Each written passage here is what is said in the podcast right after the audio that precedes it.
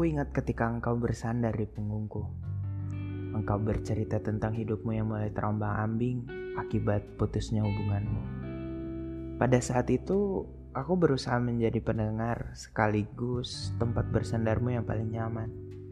Beberapa kali aku tanyakan padamu, apakah jalan yang sedang kau lalui begitu terjal? Apakah engkau butuh bantuan dalam melewatinya?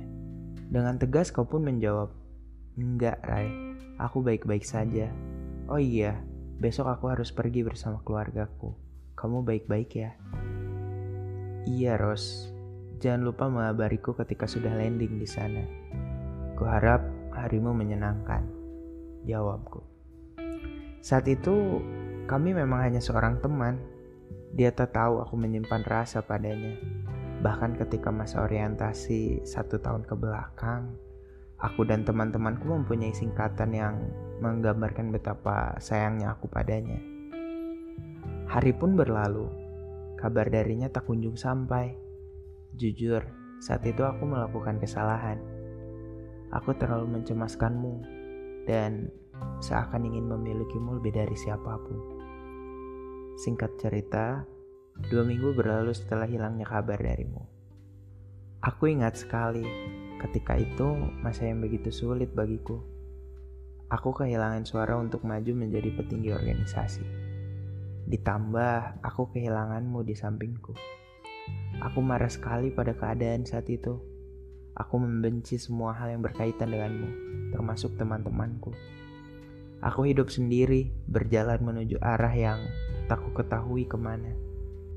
Hingga Kamil akhirnya menyadarkanku bahwa yang telah terjadi bukan salahku ataupun dirimu. Ini merupakan suratan semesta untuk mendewasakan seseorang sepertiku. Tak lama kemudian, engkau jadian dengan Al, yang masih temanku juga. Api kebencianku yang belum padam semakin membara namun, aku bukan membenci Al, aku membenci diriku sendiri yang tak bisa berjalan di sampingmu, Ros. Akhirnya, semua itu kutuangkan dalam tulisan. Aku hadirkan semua patahan hati yang kurangkai sedemikian rupa untuk menjadi bacaan penuh makna dan hasilnya menenangkan diriku. Lalu tak terasa waktu berlalu begitu cepat ya. Aku mengajakmu untuk keluar dan engkau mengiyakan ajakanku. Hingga hari ini aku masih bersyukur atas keputusanku kala itu. Saat itu akhirnya aku mengungkapkan segalanya padamu tentang kebencianku, tentang aku begitu mencintaimu. Dan engkau menerima itu, engkau menjelaskan keadaannya saat itu. Yang jelas pada akhirnya kita menjadi teman yang baik kan? Oh iya Ros, Apabila engkau mendengarkan ini, apa kabar? Sudah lama kita tak saling bertegur sapa.